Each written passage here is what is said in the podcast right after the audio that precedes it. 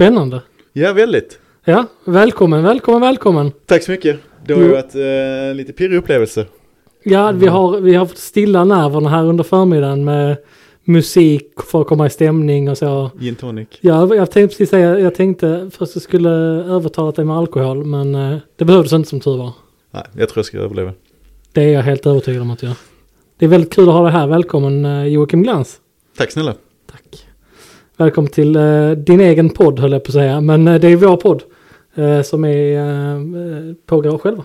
Jag har ju eh, varit lite avundsjuk samtidigt som jag är väldigt stolt över att lyssna och följa med i podden och, och känner liksom att eh, ja, men jag tycker det är helt underbart arbete det ni lägger in och eh, ja, som sagt väldigt stolt. Tack så mycket, tack så mycket. Så ja, nej, det är, är ju, vi är en samling, eh, samling människor som är rätt så likasinnade allihopa och tycker det är väldigt kul med bilar. Eh, Så att jag och Johannes har ju passat bra ihop för detta, detta konceptet helt enkelt. Men det var ju egentligen skapat lite grann för att eh, prata mer om företaget. Lite grann. Ja men vi har väl en tanke om att eh, vi gillar allihopa liksom bilar som är unika och som, som kanske inte är så vanliga idag längre. Eh, och då har vi alla en, en svag, svag eh, gen för ju. Så är det. Så är det. Eh, och jag tror vi många känner samma lycka också när det dyker upp bilar som är unika och udda liksom. Och framförallt för det fina förtroendet för många av de kunder vi jobbar tillsammans med.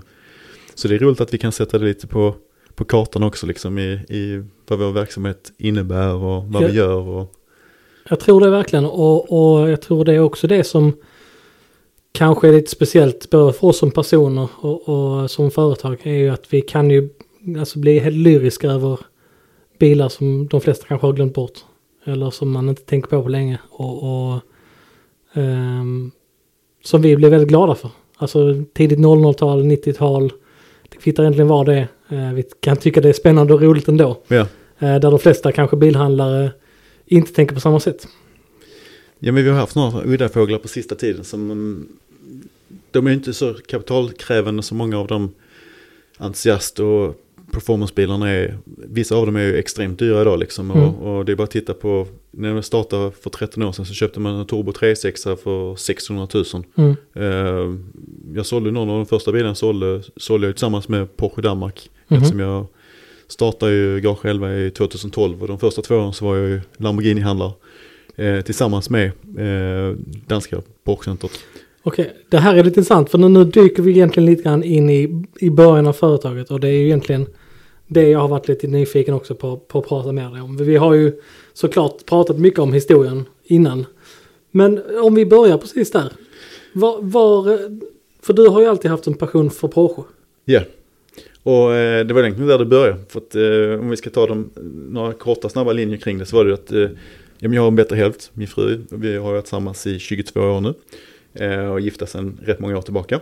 Tre barn. Och eh, jag var lite in between eh, några företag och gick och liksom drömde lite vad jag ville göra liksom. När jag hade liksom möjligheten att kunna göra precis vad jag verkligen ville. Mm. Eh, och det var liksom att ja, men jag, vill, bli- jag vill hålla på med bilar. Jag älskar bilar, tycker det är fantastiskt. Mm. Och jag brinner väldigt mycket för det. Eh, och jag har ju kört en, en del bankörning och sånt men jag har aldrig varit någon jag har aldrig varit någon liksom, tävlingsförare liksom, utan det har bara varit en ren hobbychaufför liksom, och tyckte det var skoj. Men jag har alltid liksom varit jäkligt bra puts i mina bilar och tyckte det var skoj och gått upp mycket i mina bilar liksom. Mm. Och um, ja, nu snackade jag med min bättre hälft hemma och eh, sa liksom att eh, ja, men jag överväger faktiskt att liksom börja sälja bilar på heltid liksom. Och hon bara, ja ja, det kan du göra så. Du håller alltid på att snacka bilar hela dagarna i alla fall. Så det, det är ingen skillnad. Det var inget långt steg. Ja, hon tyckte det var helt okej liksom. Bara kör du liksom. Ja, det enda skillnaden var att det skulle bli en inkomst också. Ja, och det var, det var inte så lätt i starten kan jag säga. Nej. Så när vi startade i 2012 som jag reggade bolaget, eh, då startade jag givetvis hemma i garaget så som många andra företag startar. Man startar i Mm. liten skala och det går ju liksom inte att ta ett stort showroom och Mm. eh, liksom satsa hej vilt liksom, utan det var rätt tajt liksom, man rullade igång. Och då, Mm. då var det liksom, man satte upp sina målbilder, ja man ska försöka liksom göra en, en en affär på den här bilen liksom och hitta lite marginal och så liksom. Jag kommer fortfarande ihåg första bilen som min fru också eftersom det försiggick hemma i huset och i garaget Mm. så, så var hon ju med när första kunden kom. Och då var det en väldigt känd arkitekt som kom från, från eh, Stockholm. Ehm, och han ritar eh, ja, eh, väldigt speciella udda hus. Och, och Okej. lika speciella udda hus som han ritar, lika speciell var han som, som, Som kund, person. kund då, ja, så jag ja, fick, ja. fick verkligen liksom lägga in manken för att liksom få ihop den här första affären. Och det kommer jag ihåg än idag, det var superroligt. Eh, och frustrerande för att han, Vad köpte han för bil? han köpte en Boxster Spider, den första första generationen. De Okej, här, eh, okej. vad var det, 2009 var de va? 987 Boxster Spider. Ja, okej. Väldigt sällsynt bil. Jag hade en sån. Och det var, var då just via Porsche Danmark som jag hade den här bilen. Mm. Så det var en superlågmilad bil. Den var inte momsad, vilket innebär att det var ju en tidigt steg i min process. Man skulle då ta den från Danmark, man skulle räkna om valutan, den skulle momsas in i Sverige. Och hela den Det processen var då liksom liksom. en lång resa för att få ihop det. Ja, och du vet, det höll på kanske fyra, fem veckor liksom. Och du vet, hyggligt tajt marginal som det var. Så det var inte det att det var några stora utrymme. Och så skulle man då få ihop affären liksom. Och valutan skulle inte sticka åt fel håll för att det var en rätt liten marginal. För Mm. de var ju supertajta på Porsche när jag fick sälja deras bilar. Mm. Så jag sålde ju hela begagnat-plattan från Porsche Danmark liksom. Okej, så det var liksom ett, eh, en, var det avtalat eller var det liksom... Ja men det, hela den biten var help ju... me, help me, Ja, help me, ja help det, det är ju, vi behöver många timmar på oss för att redogöra allt. Men, men det var ju så att eh, jag rullade igång Garage 11 och på den tiden så var jag kund hos Porsche Danmark. Ja. Eh, de hade min Carrera GT till salu på ett tidspunkt eh, och jag var Och där. innan alla våra lyssnare får krupp över att vi bara glänser över din Carrera GT. Så är det Ja. nästa avsnitt. Ja. Kommer det få vara lite mer Ja. Carrera GT-prat. Ta lite skönt bilsnack. Ja. Men, eh, nej, men då var det ju att, eh, då var jag där och sprang och kände han som, som då hette Mikael Lassen som, som ägde och drev eh, Porsche Köpenhamn Mm. eh, framförallt liksom. Men de var ägda av det som heter Semlergruppen då. Och eh, nej, men då tyckte han att jag var en frisk fläkt och så han sa du kom in på ett möte till mig sa han. Och jag visste inte riktigt vad det handlade om. Och så kom vi in och så satt vi i hans stora konferensrum liksom och så bara drog han hela storyn liksom kring hans, vad han hade gjort och så vidare och nu skulle han då etablera Sverige. Mm. Och då ville han ha mig som partner, så då klev jag in. Så då blev jag 49% delägare i, i Lamborghini i Sverige. Jaha, ja just det. Jaha, okej, det är så det hör Ja. ihop. För den historien har man hört några gånger att det var eh, innan, innan det blev vad det är idag så Ja, och det, gjorde man var, ett försök till på det. ja, och då var det så att han, han eh, sa det liksom, för jag kom ju till honom och sa, "Du, jag ska, rulla-" då berättade jag för honom att nu ska jag rulla igång, jag ska sälja Porsche liksom. Eh, hur kan vi eh, slå våra säckar ihop? Hur, hur, hur kan vi lösa detta? Ja. Och då hade han ju massa fina Porsche liksom begagnade som var ganska iskalla den gången. Alltså, som jag sa, Turbo 36 som man köpte för 600, det var visserligen 600 000 danska så det var ju fortfarande mer. Det var 800 svenska, lite drygt. Mm, mm. den gången också. Men eh, de här fina bilarna som bara stod där som inte de riktigt fick iväg. Och jag hade ganska stor passion för dem och, liksom förstod dem och ja, vet, jag har alltid liksom andats dem rätt och kunnat liksom ja, med mina kunder liksom sälja in bilen och förstå hur fantastisk Och- den är liksom. Det, det här måste varit, sa vi, 2012? 2012. 2012 ja. Mm. Och då, det är ändå fascinerande att så pass alltså, nära i tiden att den generationen Porsche inte var missförstådda i ha- handeln men, men ändå kanske inte hade det utrymmet som de har idag. Ja. Och det pratar inte bara i Sverige utan globalt så är det ju så att idag är det ju att handla med, med speciella unika Porsche oavsett årgång är ju liksom något av det hetaste man kan göra känns det som. Eh, Men, men även så pass nära i tiden så var det inte missförstått men svårhanterat då för Porsche Danmark som du säger. Det var det absolut. Och framförallt när jag liksom rullade igång min... Eh, när vi rullade igång själva då satt man ju på Blocket och kollade och jag kommer ihåg jag hade en eh, eh Violett Metallic 993 från... Eh, 964 från, från eh, 93. Mm. Eh, Oj, som, stod som, ja, som stod som eh, här i Stockholm. Den hade gått 11 000 mil. Det var ju då lite mycket för den där bilen liksom. Mm. Men hur som helst var jag köpte den här bilen och jag tror jag höll på liksom i två månader innan jag kom upp till Stockholm. För det var den tiden det tog, man snackade fram och tillbaka och Mm. vet du, 9- 964 dagar lägger du ut och så imorgon är den såld. Vi hade precis en vi höll på att dra i här, jag och Johannes ja, liksom. Ja. Och den var såld, 20 000 mil, 640 gick den för. Ja. Direkt, så det var liksom ett good price på den liksom. Mm, mm. Eh, så den försvann innan man liksom hann tänka liksom. Den så då, bilen. ja, ja, de, de, Mm, mm. du måste bara köpa dem direkt. Så du får titta på bilarna och säga att ah, men jag gillar vad jag ser, eh, vi tror på detta. Mm. Och så givetvis kolla så att eh, det ser någorlunda seriöst ut. Mm. Att man har någon kanske kanal i Frankrike som hjälper en att borga köpet så man liksom inte sätter in 640 000 till någon dåre som inte finns. Mm. Utan det måste vi alltid säkerställa. Och peppar peppar så efter 13 år så har vi fortfarande aldrig hamnat i någon sån situation liksom. Men, men det, är ju, det är ju riskfyllt när man gör affärer utan att titta Ja, på grejerna. För du vet ju aldrig om du köper en 964 med massa oljeläckage och du måste gå igång och, och liksom lyfta ur motor och annat. Nej, absolut, absolut. Men, men, ehm, ehm, ja, men eh, det som hände då i, i, ehm, tillsammans med Porsche Danmark var ju att de hade en massa fina bilar liksom som vi, ehm, som vi fick hjälpa till att förhandla liksom. Mm. Och Boxer Spider var en då. Eh, och sålde den här till en Stockholmsherre.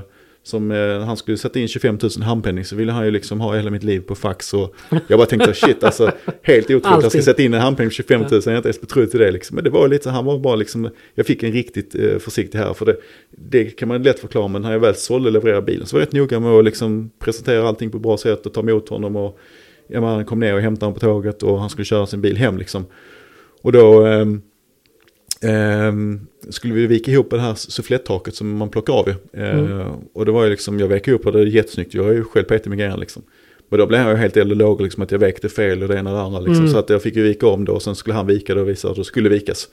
Och jag bara, "Uff, ja, det var ju väldigt mycket det. Mm. Och sen gick det väl, jag tror det gick en dryg vecka, så han hade tvättat bilen för första gången och ställt in den i garaget. Och så hade ju, han hade tvättat bilen och ställt in den och så hade det ju rostat på skivorna. Ja. Och då sa han det, nej alltså du får beställa fyra nya bromsskivor på mig för nu är de min själ rostiga. Okej, så det var lite... Och då hade bilen gått, missbrukade jag tror det gått lite grann. 400 mil, det var inte ett stenskott bilen. Liksom. Det var Nej. helt som en ny bil, liksom, sålde levereras. Men redan, redan i det skedet, alltså där var aktiebolaget redan fixat färdigt. Ja. Du hade, körde Det var så- första affären. Det var första Men det, det var inte så att du började att du liksom hade bilar som du kör, sålde privat och sen så, ja men det här kan man göra en affär av. Jag, jag tror det börjar lite med att, eh, om vi ska ta den, den här storyn, för jag visste ju inte riktigt, jag ville ju ändå när jag rullade igång det att det skulle vara liksom, ja men det skulle vara liksom, jag hade en idé om hur Garage själva skulle vara. Jag ville att det skulle vara lite unikt och speciellt och så. Och då tänkte jag bara liksom att, hur gör jag det liksom? Ja men då gick jag ut till faktiskt många av mina goda vänner och så sa jag till dem att, vet du vad, eh, jag hjälper er att sälja er bil gratis mot att ni köper nästa hos mig. Mm. Eh, och det var ett bra sätt att få in då. Så då fick jag in någon GT3, någon Ninja Turbo. Ja men jag tror en 6-7 bilar fick in så. Och så hade jag faktiskt några fina bilar själv också. Eh, på den här tidpunkten. För då var jag ju helt plötsligt bara eh, en entusiast ju, som hade hållit Mm. på med bilar länge. Och hade många fina bilar. Men det var ju inte direkt några liksom. Det var liksom, det var inte så lätt att sälja de här gamla bilarna. Så jag hade lite gamla fina bilar eh, som jag åkte ut på marknaden. Eh, I samband med att jag då startade upp eh, Garage 11. Mm. Och då gick jag ut. Då hade jag ju 9 Turbo, 9 RS, Klubbsport. Eh, jag hade även, eh, som var mina privata bilar var väl, jag tror primärt de, och så hade jag en 996 GT3. Mm. Eh, eh, RS Klubbsport också, eller Ja. eh, RS. eh, så- Var CGT nu ur bilden då? Ja den var faktiskt, den hade rykt innan. Så den Okej. fick jag, men däremot så fick jag ju sälja om den. Ja. I, eh, Ja, har du sålt din egen bil? Igen? Ja, det var, det var faktiskt så att eh, vi fick in den där bilen och så eh, hade vi inte försäljning samtidigt som min gode kund då, som hade ägt den i alla år sedan efter jag släppte den. För den såldes eh, faktiskt direkt till honom. Och sen så Mm. fick vi en relation och så fick jag förtroendet att sälja bilen. Ah, okej, ja. Men i det tillfället var det precis när de började växa upp de där bilarna. Så att jag sålde faktiskt inte bilen utan han hittade faktiskt kunden själv. Mm. För det var inte så lätt att sälja den då heller för. Och då begärde vi 7 miljoner kronor som var då liksom bara, oh, 7 miljoner Det var Carageta. styvt. Och det här är ju, vad är det, fyra, fyra år sedan, fem Mm. år sedan. Mm. Och sen efter, precis efter han sålde den så hade en annan kund som också skulle sälja. Och precis efter de två bilarna sålda så sa det bara pjong, så var det liksom Så var 20 marknaden miljoner. igång på dem ja. Mm. Ja men det gick, det bara taktade upp till 20 miljoner ganska Ja, snabbt. ja. Och det är ju där man sitter där liksom, jag andas bil 10 timmar om dagen. Man ser inte de här grejerna hända Ja liksom. det gör du inte faktiskt. Jag har ju fått ett par eh, sms nattetid där det är bara så här, oh vad tycker du om det här? Ja. Så bara, ja fast jag har sovit i fyra timmar. Det Ja men var, det var liksom, eh, det, det har liksom varit, ja men det har varit, eh, det har varit en svår marknad att förstå liksom. Eh, Ja. och, ja men vissa bilar är ju så, kanske lätt att förstå. Porsche superbilar är ju, man ska inte säga att det är självklart, men, men, men där, när Carrageten kostade 300 000 euro, så de gjorde ett bra tag Det liksom. var där jag köpte den. Det var där du köpte den. 312. Och det var då, då ungefär i samma veva så stod jag och min gode vän Mattias på Porsches i Stuttgart och dreglade över en svart Carragete för 297 000 euro eller sånt. Så det var samma. Och tänkte att fan man borde köpa det här nu för Mm. att den här kommer inte kosta de här pengarna länge till. Nej. Och det skulle man ha gjort men det var ju en bit ifrån. Det svåra är att behålla dem så pass länge också så att eh, det Ja blir rätt exakt, det är nästa aspekt. Det är lite, lite underhåll som ska in emellan också. Ja. Tyvärr är det aldrig så bra affär på någon bil om man liksom har ett kortsiktigt ägande. Utan de som har tjänat väldigt bra som jag, det har många kunder som har Ja. tjänat väldigt bra på sina bilar. Det är ju de som har haft, köpt en 964 RS när de var nere i brygga liksom. Ja. Och sen suttit på dem i 15 år. Och sen har vi sålt dem. Jag har ju vissa sådana kundbilar vi har sålt. Ja, Där man får in alla handlingar från de har köpt och sånt. Och då sitter givetvis det kvittot med liksom. Så ser man inköp 425 000. ja, Riviera Blå bland annat som du vet vi har sålt. Eh, och så säljer vi för 2,2 liksom. ja. Det är ju en hygglig resa. De har kört 5-6 tusen mil med bilen. Och så tar de från 4,25 till 2,2 liksom. Mm. Mm. Det- Ja, nej, det är... Det är sjukt. Ibland överraskas man. Ja. Men okej, eh, en annan relevant fråga här som, som vi har kommit på. Eh, vi har ju ett färgtema på det här företaget. Som är ganska påtagligt. Det är gärna den svarta sprayburken som är framme. Mm. Eh, och när blev det så? När blev det svart? Ja, men alltså, det, grund och botten så var det egentligen alltid att jag tänkte ju alltid på först vad bolaget skulle heta. Och då kan man ju alltid ha de här flashiga fina namnen. Men det var aldrig någonting som jag liksom kände att det var någon, jag vet inte.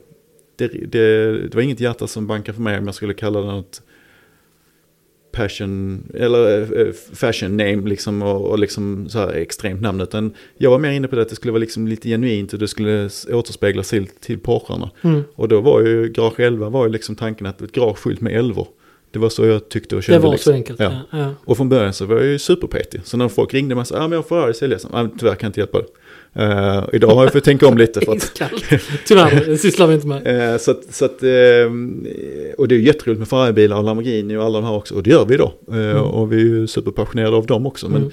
starten var egentligen att det bara var 911 liksom. Men sen har det varit, resan var ju att när jag startade 2012 som jag sa, att då jag åkt till Stockholm, jag kan hålla på liksom i två månader med att köpa en 964 liksom. Så åkte jag upp och hälsade på den här privatpersonen som skulle sälja den här liksom. Och så köpte vi in bilen liksom. Och så, ja, det, det var ju inte någon superaffär liksom. Utan det var rätt tajta marginaler. För det var Mm. inte så att man köpte en, även om jag gav 250 för den här 964 som jag kommer ihåg jag köpte den för. Så tror jag jag sålde den för efter då ganska långt om länge liksom så hade vi liksom ja, en, en, en skälig marginal liksom. Jag tror vi gjorde 320-330 på den liksom. Mm. Och det var ju bra då för jag hade inga omkostnader eller någonting. Och Nej, man, är klart. man satt liksom eh, billigt liksom. Så det var ju en bra affär i, i bolaget. Idag är det ju helt annorlunda för idag det krävs så mycket mer. Man tar in bilar och man går igenom dem. Det ska investeras pengar i det för att de ska vara i ordning liksom. Och många kunder man säljer bil till idag förstår inte ibland när man köper en bil från 60-talet att den inte är liksom, allting är liksom perfekt på den. Och det Nej. går inte. För då Nej. måste du köpa en bil som är renoverad. Ja. Eh, och gör man inte det eh, så betalar du också en prislapp som heter kanske då från 60-70-tals Porsche liksom 5, 6, 7, 800 000. Men köper du en totalrenoverad sån så kostar den inte 5, 6, 7, 800 000 utan då kostar den 2 miljoner. Ja. För då är det lagt eh, x antal tusen timmar i den. Mm. Alltså en enkel renovering av en bil är kanske tusen timmar liksom. Ska du göra allt från A till Z då närmar man sig 2,5-3 tusen timmar liksom. Mm. Och sen så är det ju en rätt, sak som är rätt rolig med Porsche kan jag känna att även om vi tittar på 356 eh, som ett exempel. Så man kan ju få tag i så mycket till de här bilarna idag. Så vill man helrestaurera en sån bil så kan man Mm. komma väldigt långt. Och det är ju lite grann det som gör att bilarna behåller charmen och har, har det, det värdet de har är att det är nästan aldrig skrot av dem. Så det är alltid... Eh, Nej, sen kan man säga så att det, det är vissa bilar idag som marknaden har varit upp och ner. Och tittar man på vissa av bilarna så är det så att vissa bilar, de, om du sätter igång och köper en billig sån här eh, objektsbil, 911 356 mm. Så har man ju köpt den för 400 liksom. Nu ska jag göra den här superfin för att då vet jag att den kan bli värd si och så här mycket pengar. Och så har man liksom en idé om att följa sin dröm samtidigt som man ser det som en investering. Men det är inte många av de bilarna idag som, som, som klarar av det längre. Att, att eh, köpa en sån och så ska du renovera den på rätt sätt. nej. Ska nej. du göra det på rätt sätt och det ska bli riktigt bra med tillpassningar och allting ska vara liksom högsta nivå. Mm. För det första är det få människor i, i Sverige som kan hantera det. Det blir dyra arbetstimmar när man ska göra det i Sverige. Och sen är det att du ska renovera som bil. Ska du köpa liksom piratdelar eller ska du köpa, Exakt. ska du köpa originaldelar? Återkonstruerade... Alltså när vi, gjorde, vi gjorde en 68 åt en kund eh, för många år sedan som vi gjorde i ordning. På en firma som bara håller på med renovering av bilar. Så de var jäkligt duktiga och fick till det bra liksom. Ehm, och då var det skärmar till en sån 68L som det var då. Eh, det var drygt 400 000 för att köpa fyra skärmar. Bak och framskärmar på Porsche. Och jag menar när man gör en sån renovering så behöver vi mer än fyra skärmar. Det är Ja, ganska mycket precis, mer är- på. Lite underliggande också som krävs. Samma en gammal 911 turbo liksom, två bakskärmar till den. Det är över 100 000 per bakskärm som det kostar Mm. på Porsche. Och den gången, så idag har jag inte ens undersökt vad det kostar liksom. Nej, men de det- kostar mer än det än idag om du ska köpa Det har inte blivit billigare. Nej. Det har inte blivit billigare. nej. nej men okej, men så, så att det, där, där kom namnet och färgen kom samtidigt. Och så färgen, då, frågade jag min bättre hälft hemma igen, så sa men gör allting svart så. Hon bara, nej det kan du inte göra så. Mm. Eh, och men hon sa att nej det kan inte göra. Så har vi faktiskt gjort allting svart. Allt som kan målas, allting som ska ha färg, har blivit målat svart. Och eh, idag är vi faktiskt ganska överens alla som jobbar här att det är vår identitet och att eh, det lirar ganska bra. Ja, jag. men det är det. Eh, det gör det definitivt. Det var ju liksom, när jag började här så var ju i alla fall kontorsbiten fortfarande ganska vit och, och inte tråkig. Men den var ju ganska så anonym. Ja. Och då sa de, men vi, vi ska måla allting svart. Och då blev man så här, äh, mm, ska vi det? Och sen så gjorde du ditt kontor svart till att börja med. Och så kom man in, ja det är så här det ska vara. Det, det var enkelt liksom.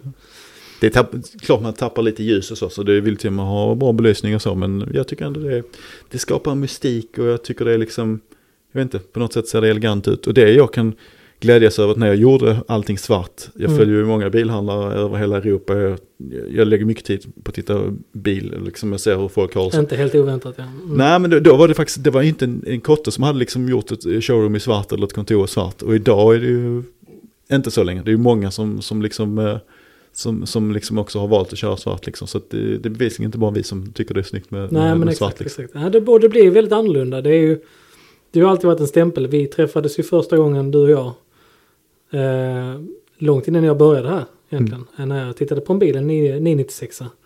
Eh, och jag vet att det var, var, ju liksom samma sak då. När de öppnade dörren där så var det ju. Det var ett väldigt unikt showroom. Eh, och då pratar vi på det gamla lokalen. Mm. Eh, Västkustvägen. Eh, och det var ju väldigt slående. Alltså det var ju som ingenting annat. Det kändes ju som eh, mancave mer än bilhandel. Ja men det var trevligt, det var ett trevligt ställe. Sen var det många, många vad ska jag säga, utmaningar med det showroomet. Alltså dels byggde jag det i en gammal lagerlokal som var jäkligt tuff att värma upp. Så det var ju alltid, vintertid jobbar man i liksom helunderställ, eh, vinterjackor och mössor på liksom. För att så kallt var det då liksom. Och sen när man kom hem så var det bara att lägga sig i ett bad och tina upp liksom. Så hade jag ju liksom ett par Det- månader om året varje Ja. år var det så när det var så kallt liksom. Ja. För det gick ju inte att värma upp liksom. Och man Nej. sprang runt där på golvet liksom och höll på. Nej, Flytta för bilar Det var och- portar åt båda hållen. Alltså det var egentligen. Det kunde egentligen blåsa rakt igenom den byggnaden. Ja. Ja. ja det, jag kan tänka mig att det var. eh, Även om man hade försökt värma upp det så hade det inte varit. Nej. Och sen var det, men det var, det var en rolig resa. Vi, jag köpte ju den här fastigheten tillsammans med en kollega. Mm. Och eh, vi köpte den som, som en investering i vårt fastighetsbolag liksom. Eh, och vi hade köpt ett par sådana fastigheter tidigare liksom och drivit upp dem och liksom ja, förädlat dem och gjort dem schyssta liksom. Och försökt liksom att byta ut liksom hyresgäster som haft det som rena lager till att ha liksom lite mer handelsfastigheter på så sätt. Hitta liksom ekonomin i de, Mm. i de investeringar vi gjorde där. Och då var det så att både jag och eh, min go- gode vän där sa det att ja, men vi ska, vi ska liksom, vi tar våra egna eh, verksamheter och så stoppar in här. Mm.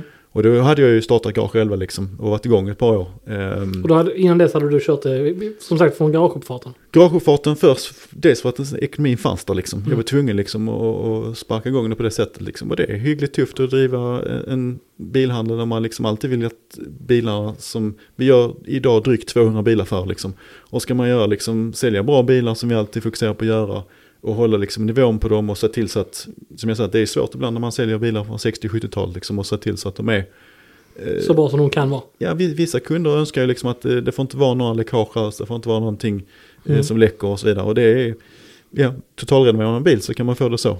Men då blir inte heller prislappen det, utan man, när man köper en sån gammal bil så köper man i princip det man har framför sig och, och, och det skicket den är. Ja, är den ja. 40 eller 50 år gammal bil så är det så. Och den gången så var det så att jag var ju mycket lättare att hitta fina objekt. Men jag hade ju väldigt liten plånbok så jag kunde inte köpa så många. Nej. Eh, och det var liksom, jag hade ju inte heller platsen till att kunna ställa upp så mycket bilar. Så att man fick ju handplocka de där grejerna man tyckte var bäst. Ja. Men det var ju en fantastisk tid när de ringde från Porsche Stockholm och sa du, tjena Joakim, eh, vi har eh, två äldre herrar här nu, två bröder. De har 964 turbo Svensson röd, 91, 5000 mil. Är det någonting för dig? Och jag bara, yes sir. Jag kom upp eh, och så åkte jag upp och mötte dem och det var ju en fantastisk bil som jag köpte. Eh, och senare sålde tillbaka till Stockholm igen eh, ett tag senare. Men jag tror jag höll på i 7-8 månader innan jag sålt den här bilen liksom. Mm. Och det var inte det att jag hade liksom, ja det var ett litet påslag liksom, men det var inget, det var inget märk märkvärdigt liksom. Alltså, eh, kommer ihåg fortfarande, den köpte in för 500 000, 5 000 mil. Det är inte go. Du får inte de samtalen längre menar du? Nej, de är, det är tungt på dem. Ni- few, few and far between. 964 är over and out. De, Ja, det ja. räcker ju att man höjer höger hand liksom och säger att man har 964 som ska säljas så är de ju borta. Precis. Så det är ju tyvärr, vi höll ju, väldigt länge fick vi de 964 som dök upp i marknaden. För att vi var liksom, vi hade ju lite specialiserat oss på dem. Vi hade marknaden för dem, vi hittade bra avsättningar. Men idag är det så få bilar liksom och det är, det, det är liksom eh, fler köpare än det finns eh, objekt. Ja. Eh, och, Ja. och därmed så blir det lätt. Och det är ju en spännande tid och den, den, den liksom gången på bilar liksom, från att de var iskalla till de blev superheta Mm. och priserna sticker, sticker upp så kraftigt som de gjorde. Det har ju varit helt fantastiskt att följa. Så hade man kunnat se den här grafen hur saker och ting skulle utveckla sig så hade det varit spännande för, ja, för alla egentligen att kunna investera i bilar Ja, och veta ja. vad som kan, kommer hända. Samma sak hade du egentligen med 997. Kom ihåg 997 GTSen, vi snackar i 12 när jag startade då. Det är ju precis, jag jobbar ju med Porsche eh, Köpenhamn då, Danmark. De har ett gäng GTS. Jag kommer ihåg att jag fick en bibba på 8 eller 9 bilar, fabriksnya, som de hade lagerbilar. Okej. Noll mil. Som jag fick köpa med 20% i rabatter. Det var alltså fabriksnya bilar Mm. med noll mil. De gick inte att sälja. Nej. Och idag liksom, vi hade ju en som vi köpte in som var superlågmila och sånt. Och så givetvis begärde vi liksom en prislapp eh, som var lite häftigare liksom. Den var också seg att sälja liksom. Alltså det var ju långt senare, det här var ju då 2018-2019 liksom. Mm. Eh, och det var 490 milar tror jag det var Mm. med manuell låda och alla rätt liksom. Ja. Bakhjulsdriven, manuell låda, vit, helläder. Alltså den var, den var jäkligt fin alltså. Och jag tänkte bara att den här kommer att sälja, vi hittar någon samlare, någon, någon som liksom prioriterar att köpa liksom en superunik bil.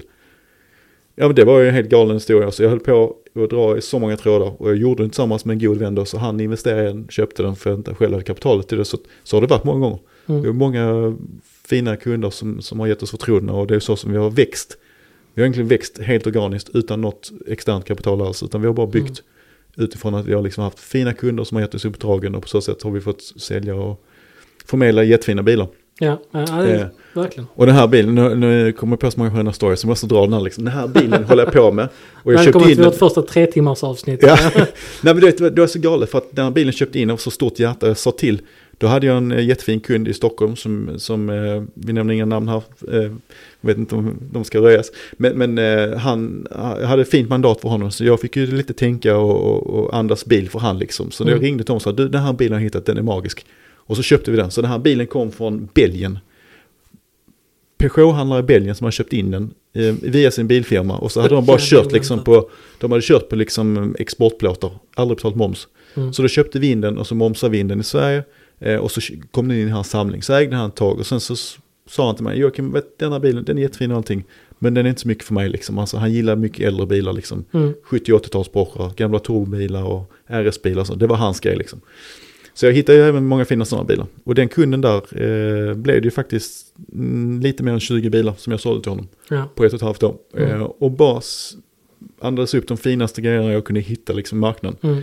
Eh, och de bilar han har kvar har ju varit en fantastisk utveckling. Tyvärr så hade han inte eh, uthålligheten att liksom sitta kvar på vissa av dem. För jag har ju sålt några magiska bilar till honom som, du vet, du hittar inte ens dem idag längre liksom. Eh, men vi köpte Sport Classic, vi köpte eh, 97 Speedster, eh, vi köpte ett gäng turbobilar, RS-bilar. Alltså grejer som var helt magiska liksom. Bara en kurerad Porsche-samling där som blev Ja, det var en skarp, jättefin liksom. samling vi drog Ja, till honom. ja. Och, och de, när vi precis i slutet där eh, så var jag på gång och vi skulle, jag sa till honom, för då hade vi fått upp tempot rätt bra och vi lastade in 97 Speedstern och 97 Sportklassiken och de var ju 100 milar båda två liksom, magiska bilar. Den ena har gått 100 mil och den andra har gått 180 tror jag.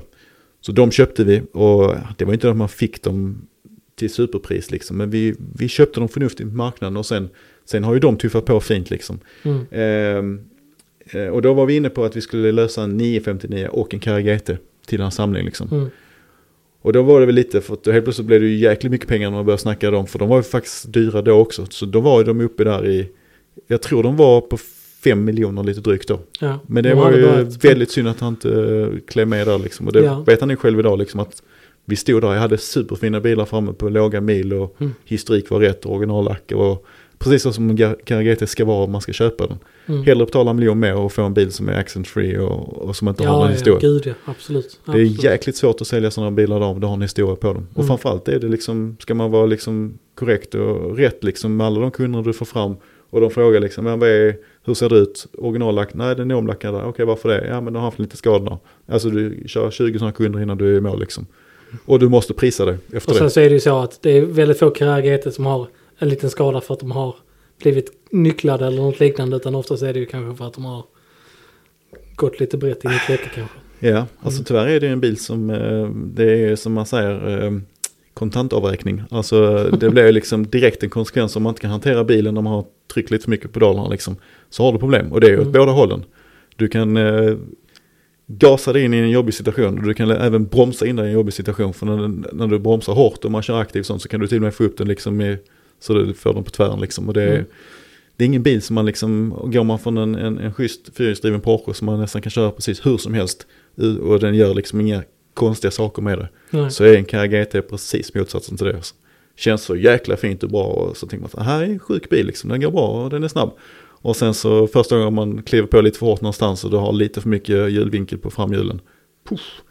Så Då vet man att man lever efter. ja, alltså, Ja. jag har haft, eh, jag lyckades hålla min skadefri. Men tog hellre den till Nürburgring för att jag visste om att tar jag den dit där så är det stor risk att jag inte, jag kommer säkert hem därifrån men jag kommer nog inte hem med bilen eh, samtidigt. Nej. Så att eh, jag, jag drog mig lite för det och tänkte att eh, nej, eh, jobbig bil att hålla i schack på ringen. Nu har vi haft två minuter med GT-snack till. Men, men vi, vi väntar med till nästa avsnitt. För det är, Ja.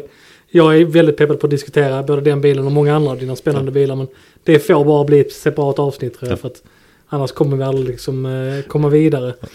Men, men Ska, vi- ska, vi- ska, ska bara försöka dra tråden så går själva tänket har ju alltid varit att Precis. sälja superfina 911 Ja. eh, och det har ju varit liksom förenat med sk- första åren jag körde så var det liksom, det gick ju inte att leva på det. Alltså jag gjorde Nej. det av rent hjärta liksom.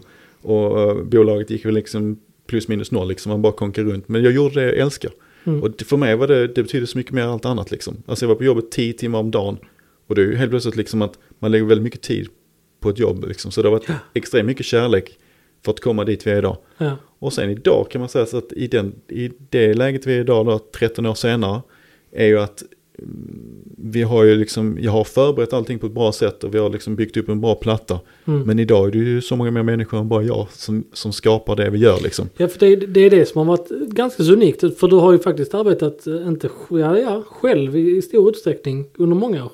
Mm. Det, var, det var fram till, fram till eh, 17 var det ju helt utan personal liksom. Då var jag helt själv liksom. Mm. Och sen var vi igenom lite personal och jag tror det var, för mig var det svårt i starten. Det var fina människor också och vi försökte få det att funka men ibland var förutsättningarna lite för svåra liksom.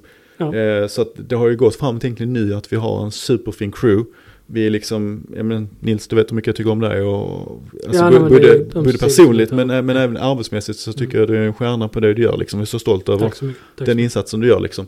Och där känner jag någonstans att att komma dit, att vi har det arbetslaget vi har idag liksom med ja, men, så duktiga medarbetare och att vi liksom vi skapar, vi gör, de saker vi ska göra gör vi på ett jäkligt bra sätt liksom. Ja. Eh, det har ju tagit väldigt lång tid, så det är klart att sett man att jag hade haft den här, de här förutsättningarna när jag startade 2012, ja då hade vi ju nästan varit ett multinationellt företag idag. Nej men det, det hade varit på en helt annan nivå då för att då hade det varit så mycket lättare. Men marknaden har ju varit, haft sin gång, eh, uppbyggnaden har haft sin gång.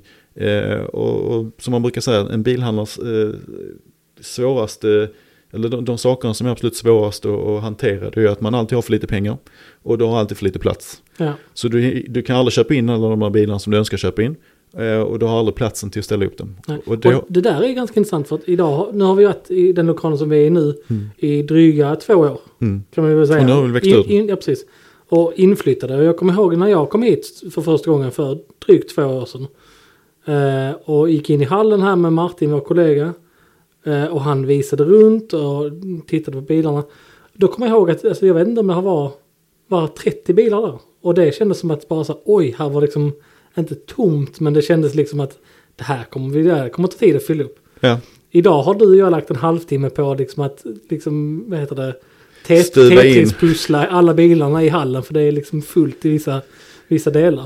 Och det är, det är såklart en kul, kul utveckling. ja, men jag tror lite det är min vision också. Du vet jag snackar om alltid. Nu är vi Mm. på, vi har inte varit uppe och touchat på 150 lagerbilar men vi, vi har gått väl 140. Så och det. jag har redan det. satt upp näsan efter 250 liksom. Och så har Mm. du sagt så, vad ska vi göra av dem? Men det löser vi. Vi har Mm. en bra plan för det också. Ja. Eh, och, och den stora tillgången till det hela att kunna växa så som vi har gjort utan något egentligt kapital. Och vi har idag bilar, eh, vi har någon bra sån um, summeringsposition på de bilarna som jag annonserar. Men det är väl bilar på 160-170 miljoner då. Det kan du stämma rätt så Utpris. bra. Mm. Ehm, och och, och ehm, jag tror ju att vi är ju, om man kommer till det segmentet som, som vi är, så är vi Skandinaviens största förmedlare av bilar eftersom vi till stor del, Ja, det är vi. Och, och, och det som är intressant också, det som drog mig till företaget, eh, är ju att vi, det känns som tänket är lite annorlunda här. Därför att man, vi är väldigt drivna av passion allihopa. Alltså vi är väldigt drivna av eh, att hitta rätt bilar och, och, att göra dem, hitta både rätt modeller och, och rätt eh, liksom exemplar om man så säger. Eh, och eh, ska säga, jag tappade min egen tråd lite grann. Nej men, men um, att vi har blivit, så vi har väl bra sakkunskap om de bilarna vi har.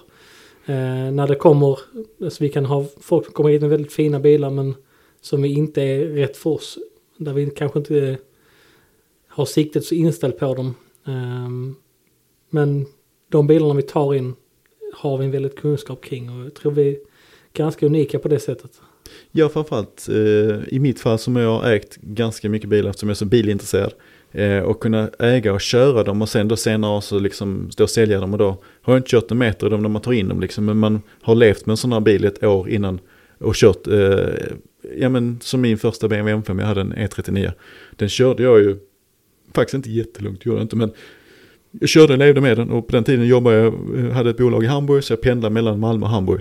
Och då var det den som var min eh, trotjänare liksom däremellan liksom. Så att man, man kunde ju sån här bil liksom ganska bra. Och mm. Det var ju drömmen liksom. Jag var ju ganska ung när man liksom började pendla på autobahn. Och det var ju liksom, ja, men det var liksom, jag gillar att köra bil liksom. Och det var ju drömmen liksom att kunna eh, segla igenom Tyskland och inte ha några fartbegränsningar. Och, Alltså ja. du hittade ju den perfekta bilen att pendla till Hamburg. Vi... Ja men det, det, det var helt magiskt liksom. Ja. Och sen är det jätteroligt att egentligen tänka tillbaka i livet. Att det var en tid i mitt liv eh, när jag pendlade min M5 mellan Malmö och Hamburg. Jag kan ju den här vägen i mörker liksom. Alltså, mm. Och eh, det var rätt fina, det var rätt fin väg att köra. Och man kunde stå på ganska bra liksom. Eh, och sen hade vi ju en trevlig tur ner när vi besökte Essen tidigare. Ja men precis. Vi körde ju Mal Malmö-Essen där på dryga två och en halv timme. Eh, nej, förlåt. Eh, nej, men, eh, nej, det gjorde vi inte. Men, men eh, vi, jag var nere i SN-mässan i, i våras. Var vi. Ja. Du, jag och Martin. Ja. Och då tog vi ju, fick du lite repris i en, en FT M5. Ja. Som du har idag. Jag har en lågmilad sån svensolja som är, jag kör inte speciellt mycket men det är liksom hjärtat att kunna Nej. äga den och kunna ta de här turerna som är speciella. Har ju också något samband med att, att där är ju en, en del bilar i vagnparken som, som du kan välja på. Och den är ju en sån som man kanske vill spara milen lite grann på för den är så pass unik idag. Uh, att, men den i alla fall den fick ut och luftas lite grann till Essen. Uh, och uh, demonstrerade ju igen varför M5 är kanske världens bästa bil. Framförallt när man kommer sig på autobahn så är det, det är en svårslagen. Jag åker ju mycket i 911 turbo liksom. Och det är klart, när man sträcker ut en 911 turbo så är den också fantastisk. Men att sitta och, och trycka hög fart i en 911 turbo väldigt lång tid är det funkar, men det funkar ännu bättre i en M5 och framförallt är vi fyra man. Det var ju bara tre den här gången, men, mm. men fyra man så är det helt omöjligt i 911 turbo. Ja, så det är klart så. att vi, jag hade varit lite modigare när vi hade ju nått parti på vägen hem som det regnade liksom. Och så hade vi ju, vi hade lite i kassa bakdäck ju. Eh, ja, ja. Och det var något tillfälle som, eh, men jag, jag körde med respekt och jag visste jag hade det med. Så att jag, eh, då när det regnade så släppte vi ner dem på, vad hade vi, 2,20 då? då. På, på fri fart-sektion givetvis. Ja. Men, men, ja, nej men det, det du är duktig på att köra aktivt brukar jag säga. Du är, har huvudet med dig när du kör. Det märker man och, och också därför det är bekvämt att åka bil med dig. För det, det kan, gå, kan gå undan men man märker att det, responsen är där. Du är rätt så skärp på det du gör. Ja men jag tror det handlar mycket om att eh, jag är inte riskbenägen på det sättet. Liksom. Jag gillar att köra fort, absolut. Eh, och det har jag gjort ganska mycket. Framförallt eh, jobba i Tyskland liksom, så var det liksom det var ju, jag hade någon, kommer ihåg, jag hade något möte i, i södra Tyskland liksom. Och då bodde vi i Hamburg liksom. Eh, skulle faktiskt, faktiskt eh, infinna mig till en eh, rättssal där. Eh, och så sa de till mig, men det, vi bokar ett flyg till dig. Jag hade en, en kontorstjej som sa, men jag bokar ett flyg till dig. Nej, jag kör så.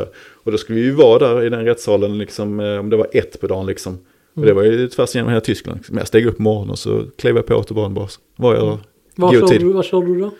Då körde jag faktiskt en Cayenne Turbo. Ah. 03. Mm. Första Cayenne Turbo som mm. kom. Mm. Som vi har börjat få upp ögonen för lite grann ja. nu. Eh, det var ju en unik och fantastisk bil den gången för de hade aldrig åkt en SUV liksom där. Idag känns den ju lite eh, utdaterad med allt det som finns och så. Men, men fortfarande en rolig bil liksom. Mm. Men, men jäklar vad man fick tankar så när man åkte på. Och det gick ju inte fullt så fort en sån där liksom. Men du kunde ju ändå hålla liksom ganska bekvämt kunde man ligga 250-260 med den. Eh, sen gick det inte mycket snabbare än så. Eh, Det var den 450 hästars den första liksom. Mm, var, mm. Men framförallt tog den jäkligt mycket soppa där. Alltså, Ja. alltså jag tankade mer när jag åkte fort alltså. Det var ju... Det blev ju någon rätt så tät tankning på vägen till Essen också vill jag minnas. Jag tror vi hade ett 40 minuter mellan två tankningar Ja, vid stämmer. något tillfälle. Ja. Eh, när vi var liksom rätt så nära Ja. slutdestinationen. Men ehm, Men magisk bil att den är, den är ju helt original. Helt Mm, orörd. Och man mm. kan ju snabbt göra lite modifieringar för den så den får mer hästkraft och sånt. Men mm. jag känner att det är så fint att den är original orörd. Så att Ja. jag vill liksom inte, man vill inte stöka mig. Men man kan ju sitta där någon gång och tänka så ah, skulle tagit bort den här tofffarspärren så den inte kliver in i en det, var här du vägg. rätt, det var du rätt på när vi var på väg hem. Att det var det värsta med den, att det var en spärr i 331 eller något sånt. Nej, faktiskt 312 på den. 312 var Det, det är faktiskt eh, E60 och E61 som har 331. Ja, De har, ju- har Mm, du det, M-Drivers package på den så har de Mm. 331. Denna var 312. Men det var ju som du sprang in i en vägg ju. Mm. Och det blev den helt hade tyst. mer att ge faktiskt. Nej men det, det blev helt tyst ju. Kommer du Ja. ihåg det? Den bara, den bara yla och sen gick den upp Mm. i 312 och så bara, whoop, så bara blev, så bara började den segla. Den höll ju 312 fortfarande. Ja, visst. Men det var precis som motorn slutade anstränga sig liksom. Mm. Mm. Det var, men jag älskar de där turerna till när man kör så. Eh, så det är fint att få dela det med. Och, Mm. och samtidigt så, det som kanske är rätt spännande som jag reflekterar över, vi hade ju nollställt trippen, så vi gjorde ju Malmö Essen tillbaka. Mm. Vi hade väl en utflykt eh, på kvällen när vi körde ut och käkade. Ehm, så att vi hade några extra mil utöver den pendlingen vi gjorde fram och tillbaka. Men Mm. det var exakt 153 mil Mm. som vi avverkade på 36 timmar. Just det. Mm. Samtidigt som vi faktiskt hade ett hotell där vi var inne och sov 4-5 timmar, 6 Mm. kanske, Mm. på hotellet också. Mm. Och så körde vi SMS-an och så körde vi hem. Så från att vi lämnar Malmö-Oxie på jobb, för jag hämtade upp här på morgonen. Nej, inte ens. Vi jobbade förmiddagen. Ja just det, så var Vi det. jobbade fram till lunch. Ja, så var det. vi. Ja, och så körde jag tillbaka, så två på natten där var vi tillbaka. Och då satt jag av här. Då hade det gått exakt 36 timmar. Mm. Och vi hade kört 1530 kilometer. Nu vinkar Johannes. Johannes fick inte vara med i det här avsnittet. Han kommer in här nu och stör ändå. Jag ser lite avundsjuk ut. Mm. Eh, snyggt. Ehm, men, eh, nej men det, det var ju en fantastisk tur. Alltså, eh, Ja, ja, det var det. eh, och det, SMSen är ju superrolig att besöka men jag tycker halva grejen är ju resan fram och tillbaka liksom. Men det Och- var ju de 36 timmarna i sin helhet skulle jag säga som var en, en upplevelse. Jag har aldrig Mm. varit på SMS innan. Eh, jag hoppas att vi kanske kan boka det till, till våren igen. här, En, kanske tre dagar istället för två. men, men eh, nej men... eh, men och en var ju- halv. En och en halv ja. Nej men det var ju liksom helheten i, i sig. Är att liksom jobba en halv dag och sen Mm. så bara...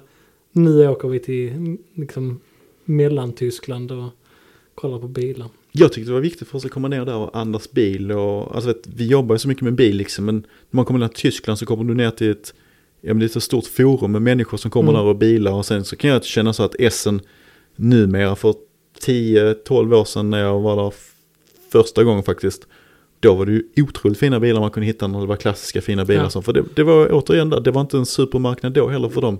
På samma sätt som den, du hittar fina 80-90-talsbilar. Mm. Men nu känns det ju ganska utrensat och så fort man hittar renoverade fina bilar.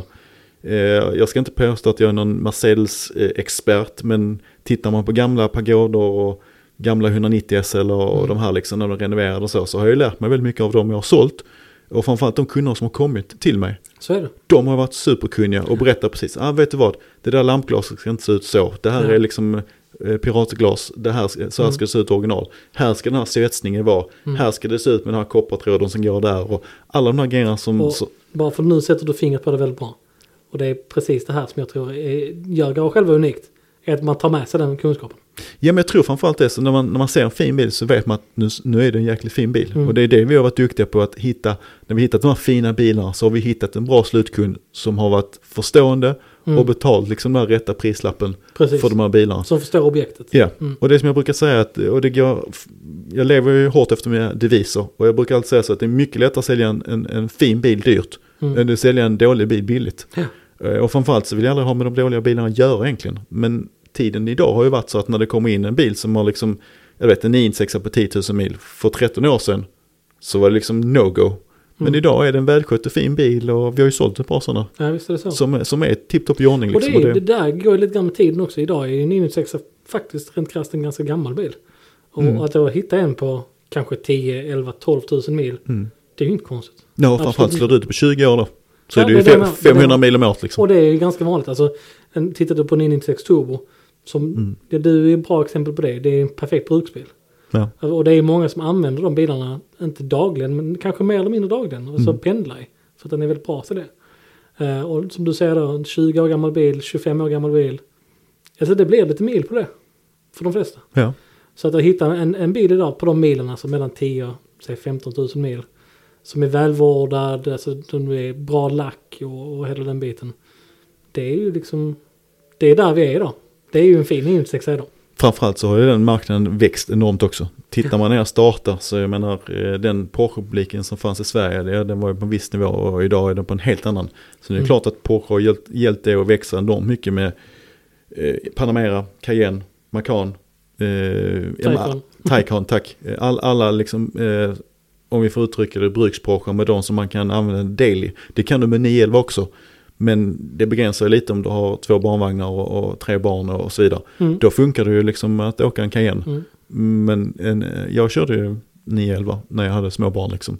Men det var ju halvknökigt när man skulle in två sulkevagnar eh, mellan stolarna i i en 911 turbo liksom. Hade du? Ja. Det gick bra. Galning. Och sen hade jag vinterhjul på eh, en 96 turbo körde jag ju två helsäsonger. Eh, och då var jag på med vinterhjul och, och körde. Och det var ju fantastiskt roligt när det var snö och Mm. fyrhjulsdrivet. Och 96 turbon är ju en ganska, jag ska inte säga att den är mekanisk bil, men den är hyggligt mekanisk med de nya liksom. Gud ja. Så det var Jag liksom- var- säga, definitivt säga idag att det både 996 och 997 är ju faktiskt idag ganska så analoga enkla skapelser om du jämför med 992. Ja, och, och framförallt om man tittar på 96 som jag har lagt många tusentals mil i. Så jag hade ju en prototypbil som jag köpte från en bilhandlare i Tyskland som var, den levde ju till ganska länge.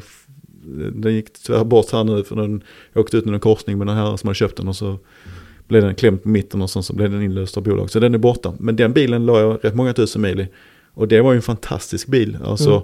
Och jag vill säga att jämför man 96 och 97, ja men så är 96 bilen är ju en, en, den är mer mekanisk, den känns ju äldre men det ger en bättre känsla när du kör bilen. Mm. Älskar växellådan, hela känslan när du kör bilen, hur den känns som en handske du tar på dig. Mm. Så hoppar du i 97 ja men växellådan har inte alls samma feeling, det är inte alls samma Nej. slaglängd och känsla när du lägger i växlarna. Och Ja. chassit är inte heller, det är klart att 97 är snabbare bil, den rör sig bättre i kurvor, alltså den, den hänger med på ett bättre sätt medan åkte man tufft med 96 så var det ju någon gång man gick in och runderade lite snabbt och sånt så kände man oj nu är inte framhjulen ner längre. Får vi rätta upp hjulen så vi hittar lite asfalt igen och får kunna svänga in. Mm. Och där är ju 97 mycket bättre. Alltså det är nästan så att du liksom hamnar i en situation om du prövar att köra så snabbt i 97 att, att inte framhjulen ska hänga med och styra liksom. Men det Mm. var liksom lite att utvecklingen gick ganska hårt framåt där i 97. De byggde en väldigt mycket snabbare bil. Men omvänt så, så försvann lite av känslan. Mm. Alltså det, det var inte lika färgstarkt liksom och, och känna chassit hur det rörde sig. Och det gör du verkligen. Kör du åt i, i en 993 turbo eller en 96 turbo Ja. så är bilen liksom, du kan verkligen känna hur den jobbar, hur den rör sig och Precis. hur den hänger med Ja, liksom. ja, Och det, det blev lite mer styvt i 97 alltså man ja. styvade upp chassit, man fick liksom lite Aktiva moderna. motorfästen och lite sånt också. Ja men så, som påverkar mycket och det, det ta lite känslan när du kör bilen. Ja, det är faktiskt eh, där min, eh, det har vi pratat om innan, men där min passion började. Jag hade ju den goda förmånen att eh, åka med i en 96 runt Knutstorp. Eh, efter att ha fotograferat på Knutstorp en hel dag. Eh, och eh, förstod ju att eh, det här är ju fantastiskt. Och sen så gick det ett par år och sen så hade jag den goda förmånen att eh, ha en 96 GT3 eh, en, ja, fyra, fem dagar att köra med en faceliftbil, alltså en MK2.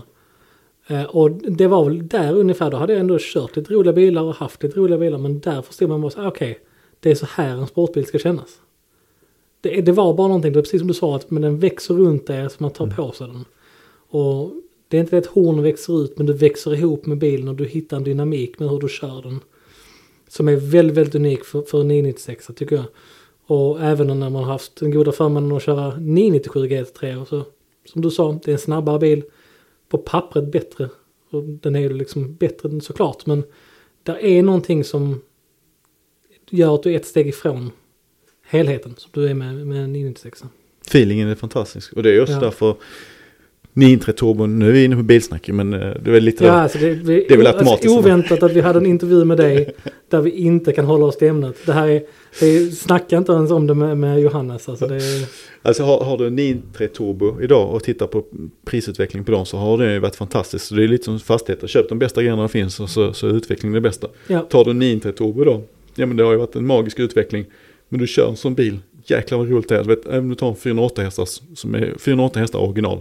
Eh, det är ju inte några stora hästkrafter då, men jäklar vilken fartupplevelse man får och vad man åker snabbt Mm. liksom. Mm. Eh, och det är liksom, du kan få liksom samma feeling som du åker liksom en riktigt, eh, ja men kanske 992 Turbo S är kanske lite ta i för det är ju eh, verkligen en snabb bil. Men om du tar en, en 997 Turbo och framförallt om du tar en automatbil i en sån där, alltså en Mm. vanlig då, Gen 1. Så tycker jag liksom att det kan upplevas att det går snabbare i en manuell 993 Turbo, även om det är en 408 hästars helt strikt original liksom Mm. så är den liksom, den är så jäkla rörlig, den talar så mycket till dig, det är så mycket feedback i bilen. Så det känns som att det går så satan snabbt. Mm. Och det gör det också. För 993 Turbon var fantastiskt snabbt ihopskruvad bil. Alltså det var, det var en bil som var, var, blev så jäkla snabb. Och det finns väl inga 993 Turbo som har 408 hästar. De har ju långt mycket mer än det allihopa. Ja, ja. Och det var en dansk motorjournalist som, eh, jag kom ihåg, de gav ut sådana här böcker. Och då eh, läste jag liksom förordet den här och det var så jäkla roligt för då hade de de här, det var på den tiden de hade det här cykeldäcket. Som man satt bakom bilen du vet. För att testa 0-100-accelerationen. Okej, det var ett slag sedan. Ja du kommer ihåg man satt, det Ja, var som ett cykeldäck Ja, som satt bakom och ja, sen var ja. det liksom en, Jag, har en sett, jag tror jag har sett runristningar av det. Ja precis, ja. men så var det förr i tiden när man skulle Ja. mäta 0 till 100. Det fanns inget bättre sätt. Men det var nog en ganska ärligt sätt för att det där cykelhjulet kunde man mäta liksom verkligen exakt. Och då hade han ringt till de som hade levererat och sa du jag håller på nu på danska och, och sagt eh, du jag prövar nu att eh, mäta hastigheten på den här 993 Turbo, det är helt förkert. Och sagt då liksom att han hade försökt att mäta 0 till 100 tid på den här bilen. Mm. Eh, och det hade liksom varit helt, eh, helt fel siffror liksom. Det måste vara någonting fel på den. Mm. Och de bara, nej, alltså det är inget fel på den. Alltså det är super basic. Den kan inte mäta fel typ. Och han, hade, och han okej, men då testar vi en gång till. Och samtidigt som vi gjorde det här testet så hade de Bugatti EB 110 Mm. och Porsche 993 Turbo. Och båda de bilarna skulle köra 0 till 100 på 4 4,5 sekunder.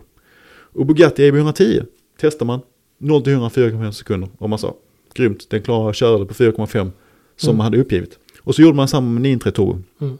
Och det visade sig att man körde på 3,6. Mm. Och då var han sa, men det här är inte möjligt liksom. Men så är det.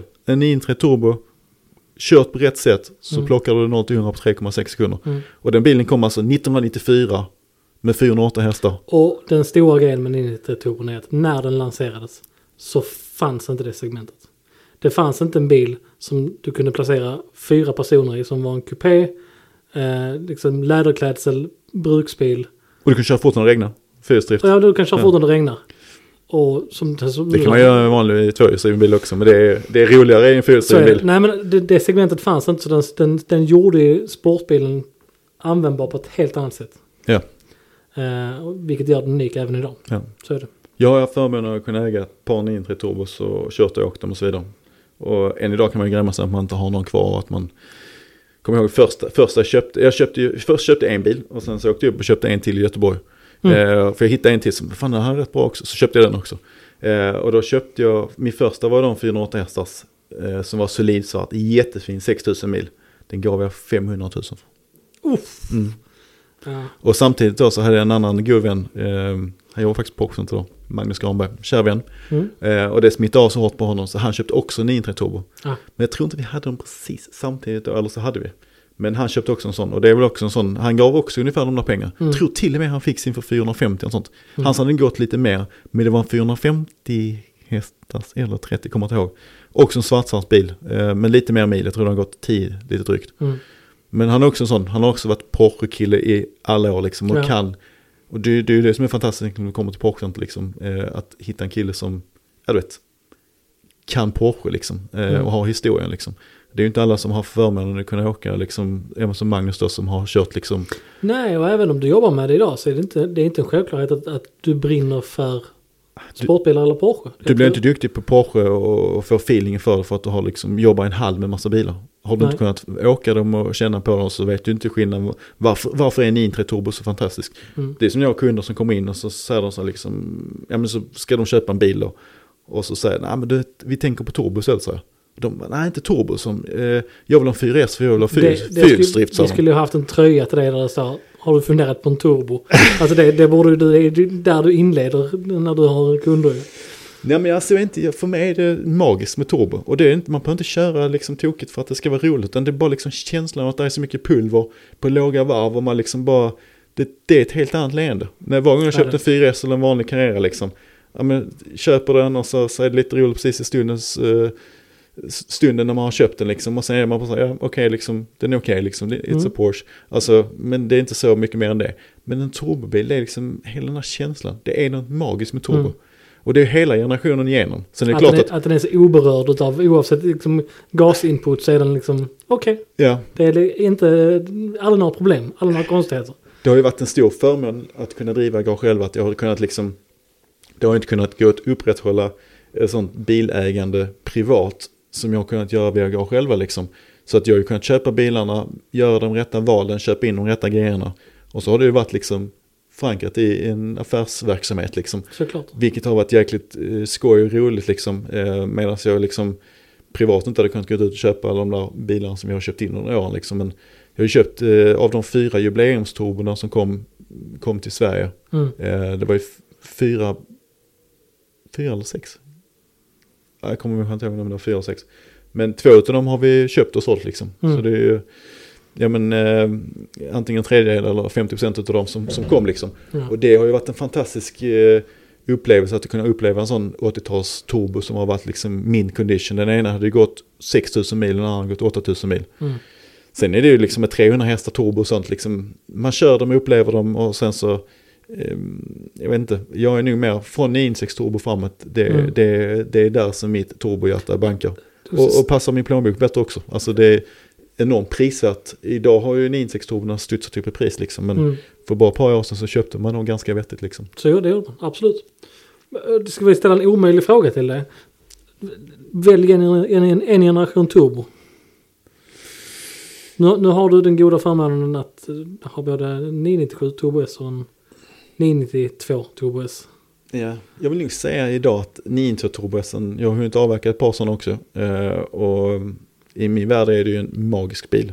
Sen åker jag ju inte bana med den för att jag vet, tar jag ut den på bana så, så blir det mycket material som går åt liksom. Det är en tung bil, den har mycket fartresurs. Det är så fint formulerat ja. Nej men det, det, det, det är en bil som att bör man liksom åka på tungt med den där liksom så går det däck och bromsar och keramiska skivor som för det första måste du stänga av alla system för annars. Och ja, mördar du allt. Ja men det går att åka på det men då måste man åka liksom 90% liksom. Då kan man ju balansera runt den med Mm. systemen igång i Sport Plus liksom.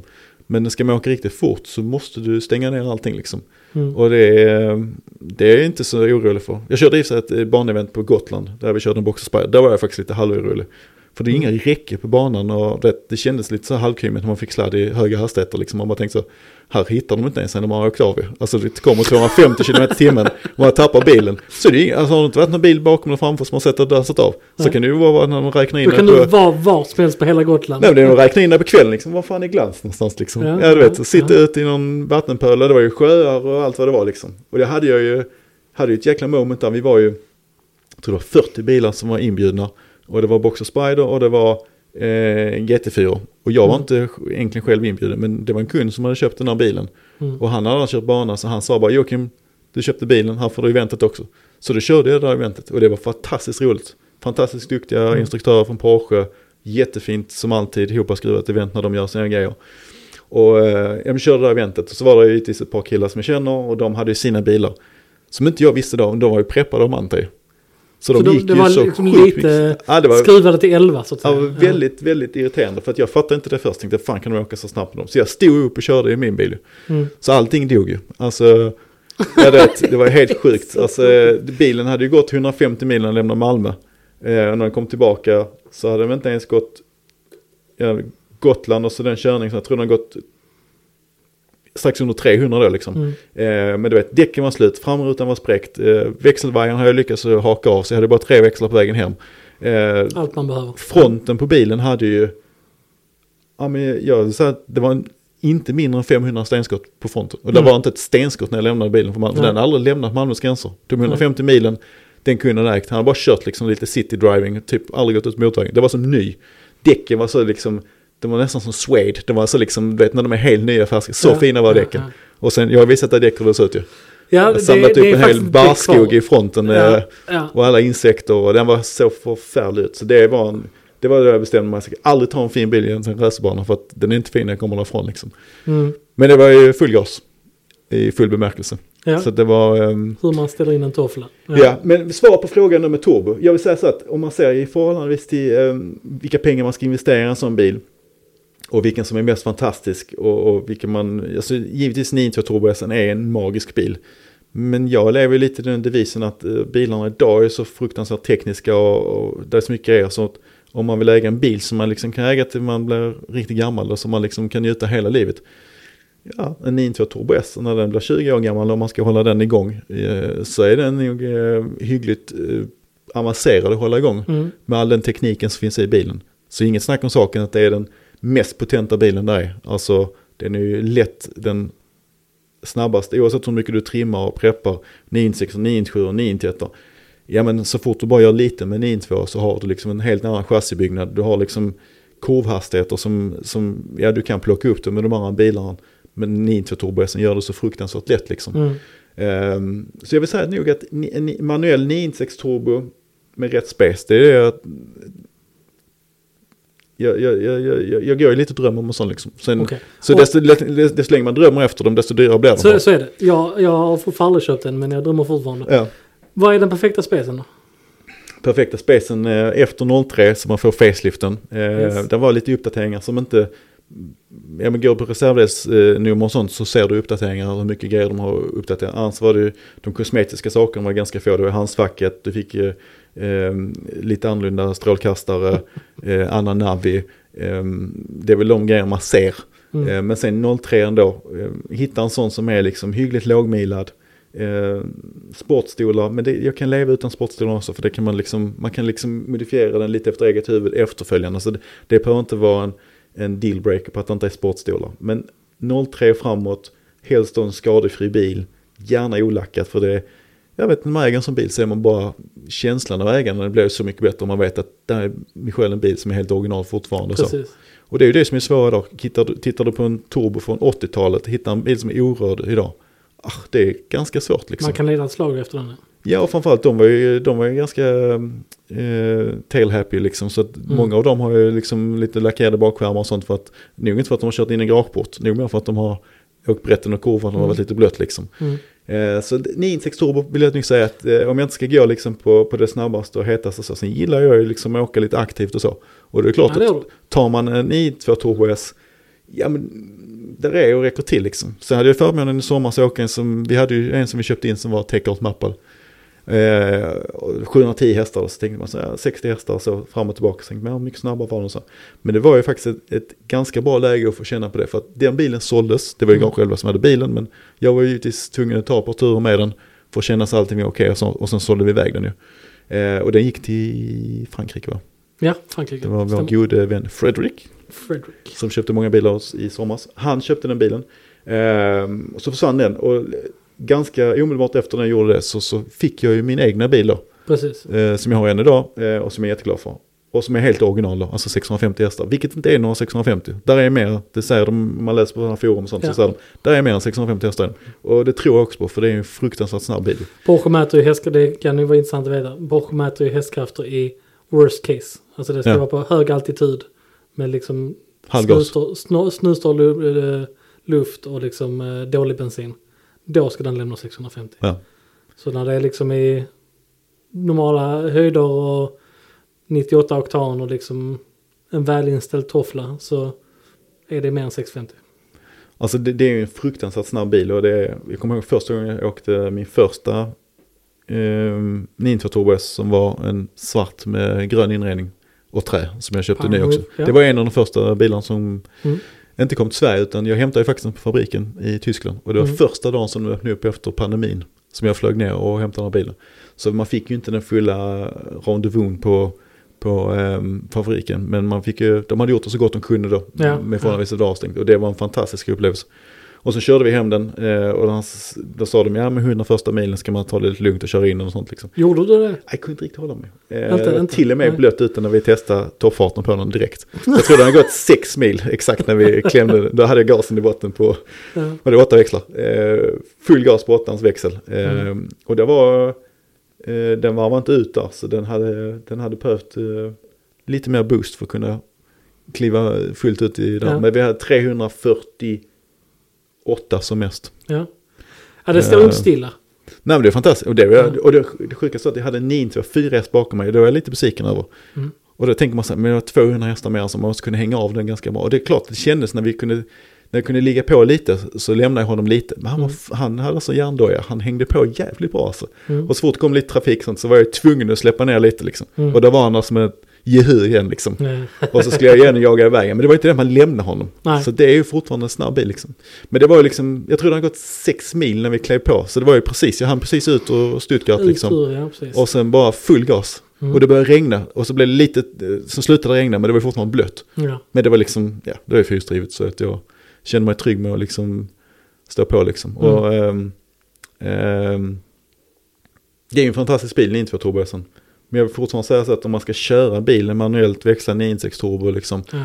Och vi hade ju en bil här nu som, det är egentligen ditt fel att vi inte har den nu. Det kommer den silvriga 996 turbon som kom in, han slaktaren från Danmark. Jag hade ju sålt den här bilen en gång just det, ja. ja. Det är inte ju- alls mitt fel att det Jo, du snack, snackar om hittade inte. pengar till att köpa in den och... Nej, nej, nej. Nej, den snackar du dig själv ur. Nej. Ja, nej, men så, var- det var faktiskt inte hela sanningen. Han, vi var ju lite långsamma på bollen. Och Ja, så var- tror jag han fick tänka till lite och sen så, Precis. så helt plötsligt sa han telefonen längre när man ringde. Och Nej. sen så ringde han, så fick jag tag i han eh, en månad senare. Så, nej, nej, Joakim ska aldrig sälja den, så han bara. Mm. Eh, och då hade Ja, han den var insett, speciell den bilen. den var jäkligt fint byggd. Mm. Det var då en 03, 450 hästars grund. Den hade sportstolarna, Mm. tyvärr taklucka. Men den hade Det även... har nästan turbos. Alltså det är, Ja, det, men det är ju en sån, den, den featuren var ju alltid liksom, det var ju nästan lite, det var ju bara puristerna som förstod att man skulle ta dem utan taklucka. Mm. Så taklucka är ju liksom, det kommer ju en del grejer med taklucka. Mer vikt, Mm. mer vägbrus när du kör fort. På sikt när man har en, äldre bil med liksom taklucka, ja men det är ju otätheten Mm. och så vidare. Sen klart det regnar inte in i en 996. Men ger den 20 år till så, så kanske det är lite jobbigt att hålla i ordning. Man får ju byta listor och så. Men sen har du även vikt, viktskillnad. Alltså på en 996 turbo, jag tror det är 25-30 kilo i skillnad. Mm. På fel vikt. ställe. Ja, ja, på fel ställe och vikt. För, för att det, det är inte att luckan och den motorn väger, men det är alla grejerna ihop. Plus att det är några förstärkningar och sånt eftersom man har gjort den här takluckan. Mm. Så 25 eller 30 kilo är, är vi- straffvikten för att Mm. man har en taklucka. Och är man framförallt då en kille som är som aldrig öppnar en taklucka så är det bara ehm, ett ont men att den sitter där. Men det som är det absolut viktigaste för mig, det är när man tittar på linjerna på en 911. Mm. Så ställer du upp en 96 turbo, en med taklucka och en utan. Så är linjerna utan taklucka så jäkla mycket snyggare. För du har som en liten bula på taket. Och har du en taklucka så är den platt mitt på. Mm. Alltså fem bra anledningar till varför man inte ska ha taklucka på en eh, 911. Fantastiskt. Färgval på din drömlinjesexa. Nej, Men jag älskar silver. Silver. Eh, och ska man eh, säga ett drömval på den också så vi måste ändå säga polarsilver är ju en fruktansvärt snygg färg. Polarsilver över svart misstänker jag då. Neprit. Mm. Eller cedargrön. Mm. Ja, Grön- du grön i vet. Ja, du är, du är ju unik på det sättet. Du gillar ju färgglada interiörer har jag ju förstått. Ja men nu har vi Eh. eh, spetsat, eh, men vi var ändå rätt försiktiga. Vi får se lite nu hur det går med de sista valen man har gjort. Ja, men den, den sista bilen, den är, jag, den är jag lugn med. Ja. Det, det blir bra. Ja. Den har inte kommit än, men den, den blir väl bra när den kommer. Ja, men det, det är ju så tråkigt idag för idag är det så svårt. Så även om man vill spesa till lite så... så Mm. Du kommer ju med en riktigt sån. Man vill ge dig en Alvedon och sätta dig ner. Så, så liksom, så här kan vi inte ha det. Du kommer med en gul bil med, med blåa, blåa detaljer och blåa fälgar. Jag har alltid gillat gula bilar. Sen har jag eh, lite, eftersom vi jobbar med det så att vi får in lite gula bilar då och då ju. Ja. Och var gång vi har en gul bil så sitter det alltid jäkligt långt inne innan vi säljer dem. Mm. Och även det är fina bilar, det har varit svenska bilar, låga mil. Visst, de är ju inte gratis när det är svenska fina bilar liksom. Då är det en prislapp som är, den är ju oftast i, i liksom det högsta nivån för tillfället. Men Mm. det är som alltid, man köper en fin bil dyrt. Mm. Och tittar du tillbaka historiskt, alla de 13 åren jag varit igång, tittar på varenda kontrakt med bilar vi har sålt. Varenda bil har vi kunnat köpa tillbaka idag. Mm. Och så hade det varit hur mycket utrymme som helst för, för en ny affär liksom i den. Mm. Mm. Eh, så att utvecklingsmässigt så är det alltid lönat sig att köpa fina bilar liksom. Men gula bilar säljer väldigt långsamt. Eh, och det, det skrämde mig lite med denna här. Plus att jag kände lite så att usch, det sticker ut så mycket gult. Och så tänkte jag bara så att nej, vi går på något lite mer moderat. Så nu har vi haft en sån fast linje på alla bilar Mm. som, som jag då har köpt nu på sista tiden som, som ja, det känns nästan lite tråkigt. Men det är liksom en, en liten linje genom dem som jag kan tycka är lite... Den, blir- den är omedveten från början tror jag. Ja. Men Hade man kompenserat träinredningen så hade jag gjort det också. hade du det? Ja. Helt vild. Jag tycker det är så jäkla bra Ja, lite, coolt lite båt och Bentley-känsla i, i en Porsche liksom. Ja, ja. Palladeträd, finaste som finns alltså. Eh, och det tycker jag vi får ta mer av i, i nästa avsnitt med det. Men, men eh, om vi tittar, kommer tillbaka till Garage själva. Var är vi om tio år? Om tio år så eh, hoppas jag att, eh, att det är du som håller i trumpinnarna och sköter eh, rulliansen. Kommer Nej, jag göra på ett sätt eller annat. jag är inte så gammal då, men, men, eh, nej, men eh, jag hoppas ju någonstans.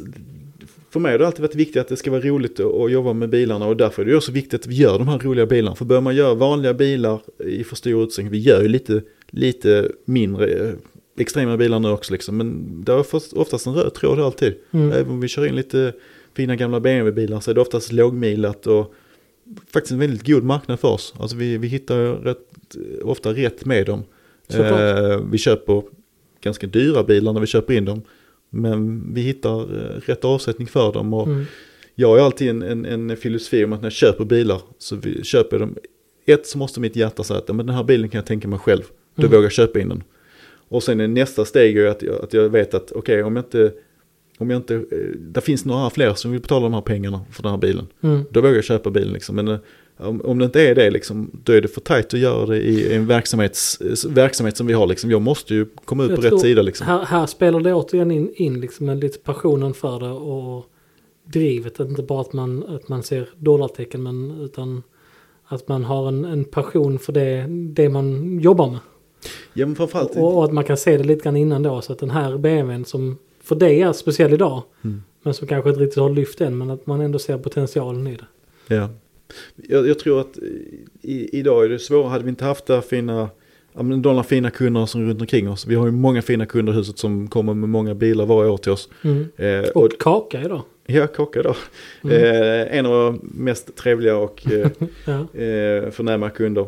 Eh, stort hjärta för honom så att jag är väldigt mån om vilka bilar han köper och att vi hamnar rätt. För att det blir lite så att eh, jag ska ju oftast göra affärerna för de där kunderna sen och kan vi inte komma ut rätt så känner jag mig lite ansvarig i det hela liksom. Mm. Och då brukar jag vara ganska ärlig när jag säljer bilar.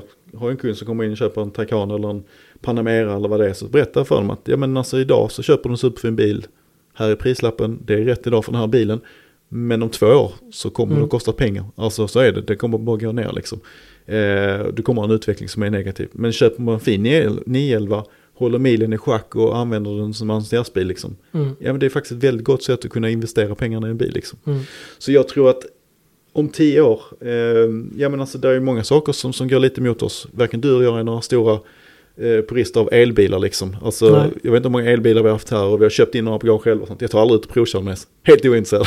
Alltså, Ja, nej, och de men, frågar, har du kört Taycanen det- liksom? Jag, jag, jag tror jag har testat den när jag har kört någon kund hem någon gång och ska köra tillbaka den Ja, för, inför ja. försäljning liksom. Så kör jag den givetvis tillbaka till gård själva. Men Mm. jag har aldrig tagit en, eh, en Taycan liksom en, en helg liksom och stuckit ut och kört och känt på den. Utan jag är ganska egentligen ointresserad av det liksom. Mm. Alltså, eh, och det är egentligen konstigt att jag är så färgstark liksom. Att vissa saker gillar jag, vissa saker gillar jag inte. Eller det, då är jag egentligen precis som vilken människa som helst, inte speciellt bilintresserad.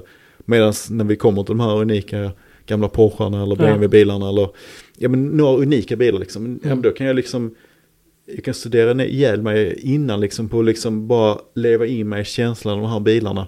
Och sen när vi väl får dem, vi har gjort några köp nu på sistone som är liksom, det är så små investeringar vi har gjort. Ja. Men, men kärleken och passionen är så jäkla stor. Dels för att jag kan återspegla min tid tillbaka till 1997, 1998 när de här bilarna var sprillans nya liksom. Ja, och det var det ja. yttersta yttersta och man bara stod och saglade liksom bara jäkla vilka proportioner och framförallt detaljerna som vissa av de här bilarna hade. ja. Som var så jäkla unikt då för, för, för de här liksom Det, lite det är såklart lätt att säga idag och samtidigt svårt att, se, att säga om. Men det är många av bilarna i den generationen, både vi pratar alltså de stora tyska tillverkarna, alltså Audi, BMW, Mercedes också. Eh, så är det ju det är en enklare design. Alltså det är ett, ett, ett mer, en design som håller längre. Mm. Den är rätt så tidlös. Det är ju min stora glädje i E39 att det är en elegant bil när den kom. Det är en elegant bil idag och det kommer vara en elegant bil om 20 år också. Och den kommer rulla om 30 år. Yes, så är Alltså, det. Inga, eh, inga konstigheter. Nej. Ehm, och jag tror att många bilar som vi ser idag som kommer ut som kanske är tekniskt väldigt begåvade och snabba och bra på alla tänkbara sätt. Delvis har de ett det framtvingat rätt så komplicerat utseende i många fall. Och, och det är lite grann som vi har pratat om innan. Hur kommer det fungera om 30 år? När, Mm. Det kommer inte fungera. när, det är men 100% liksom, säkert. när eh, parkeringsväljaren på din nya SL inte fungerar längre. Eh, det är liksom, ja, det är vissa varningsflaggor där. Så, alltså jag vill säga så att vi har många utmaningar de Mm. nästa kommande tio år. Eh, vilket är jäkligt roligt. Samtidigt som man kan känna att det är, det är liksom lite skrämmande att eh, ja, men vet, från, eh, från ren klimatpolitik så vill man inte ha fossila bilar längre.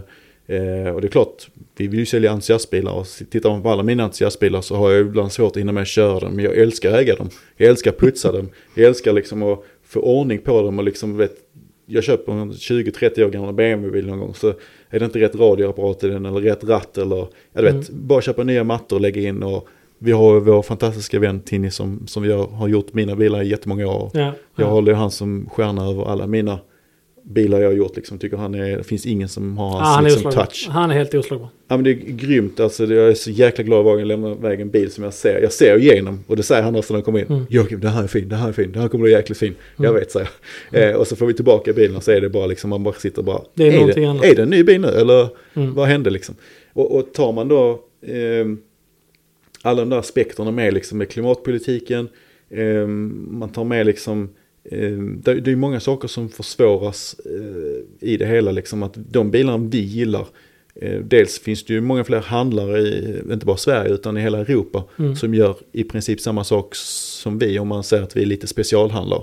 Så var jag ju absolut inte den sist tillkomna, det så har vi funnits i 13 år men, men det var inte så många i Sverige som var specialhandlare. Vi var en bland de första liksom. Jag kan inte ens riktigt eh, nämna någon annan som liksom fokus mycket på gamla och speciella bilar liksom och som gjorde rent renodlat. Nej. Där fanns ju Platinum Cars som var stora och det fanns många andra aktörer liksom. Men de gjorde lite mer ATZ-bilar. De Ja. hade lite av det hela liksom. Medan jag var ganska fyrkantig. De första åren körde ju bara 11 liksom. Mm. Ehm, eh, idag då att det finns fler handlare samtidigt som det finns, alltså de bilarna som fanns, de fanns. Ehm, men idag så är det ju så jäkla många fler som har köpt upp dem i samlingar.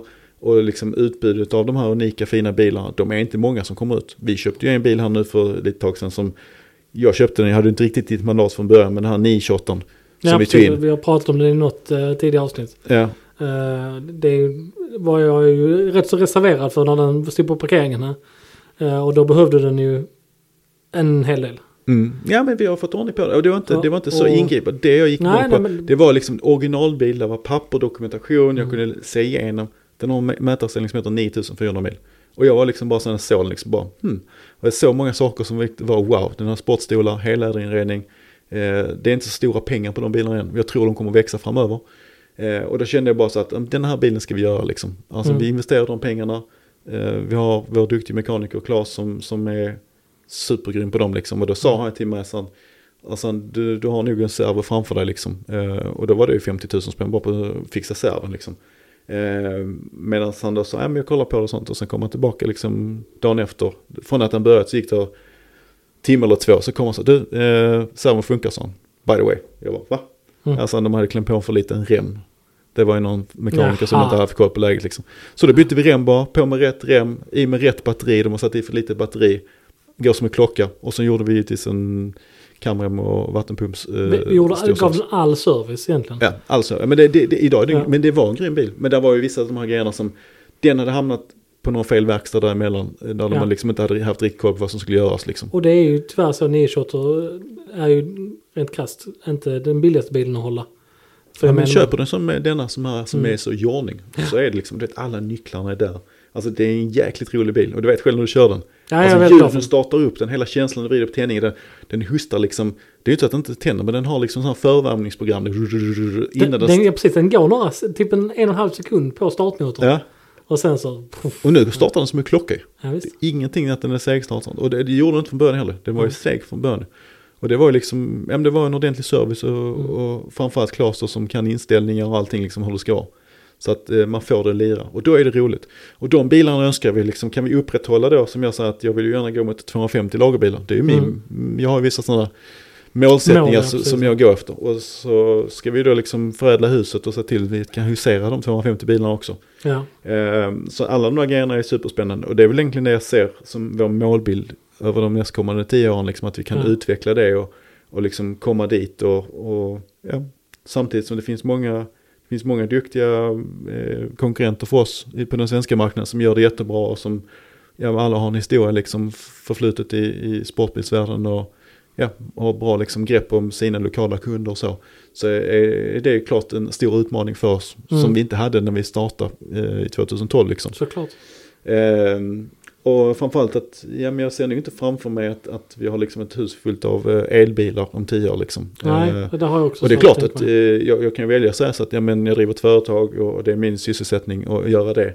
Men passionen kommer inte finnas då. Alltså Nej. på det samma sätt som det är nu. Ja men då kan vi lika väl sälja skrivare eller någonting, någonting annat. För det är, det är ungefär lika... Ja men du brukar ha någon bra eh, förklaring till vad en elbil ja, är. Nej, ja det låter negativt säga, kan man säga. nej men alltså det...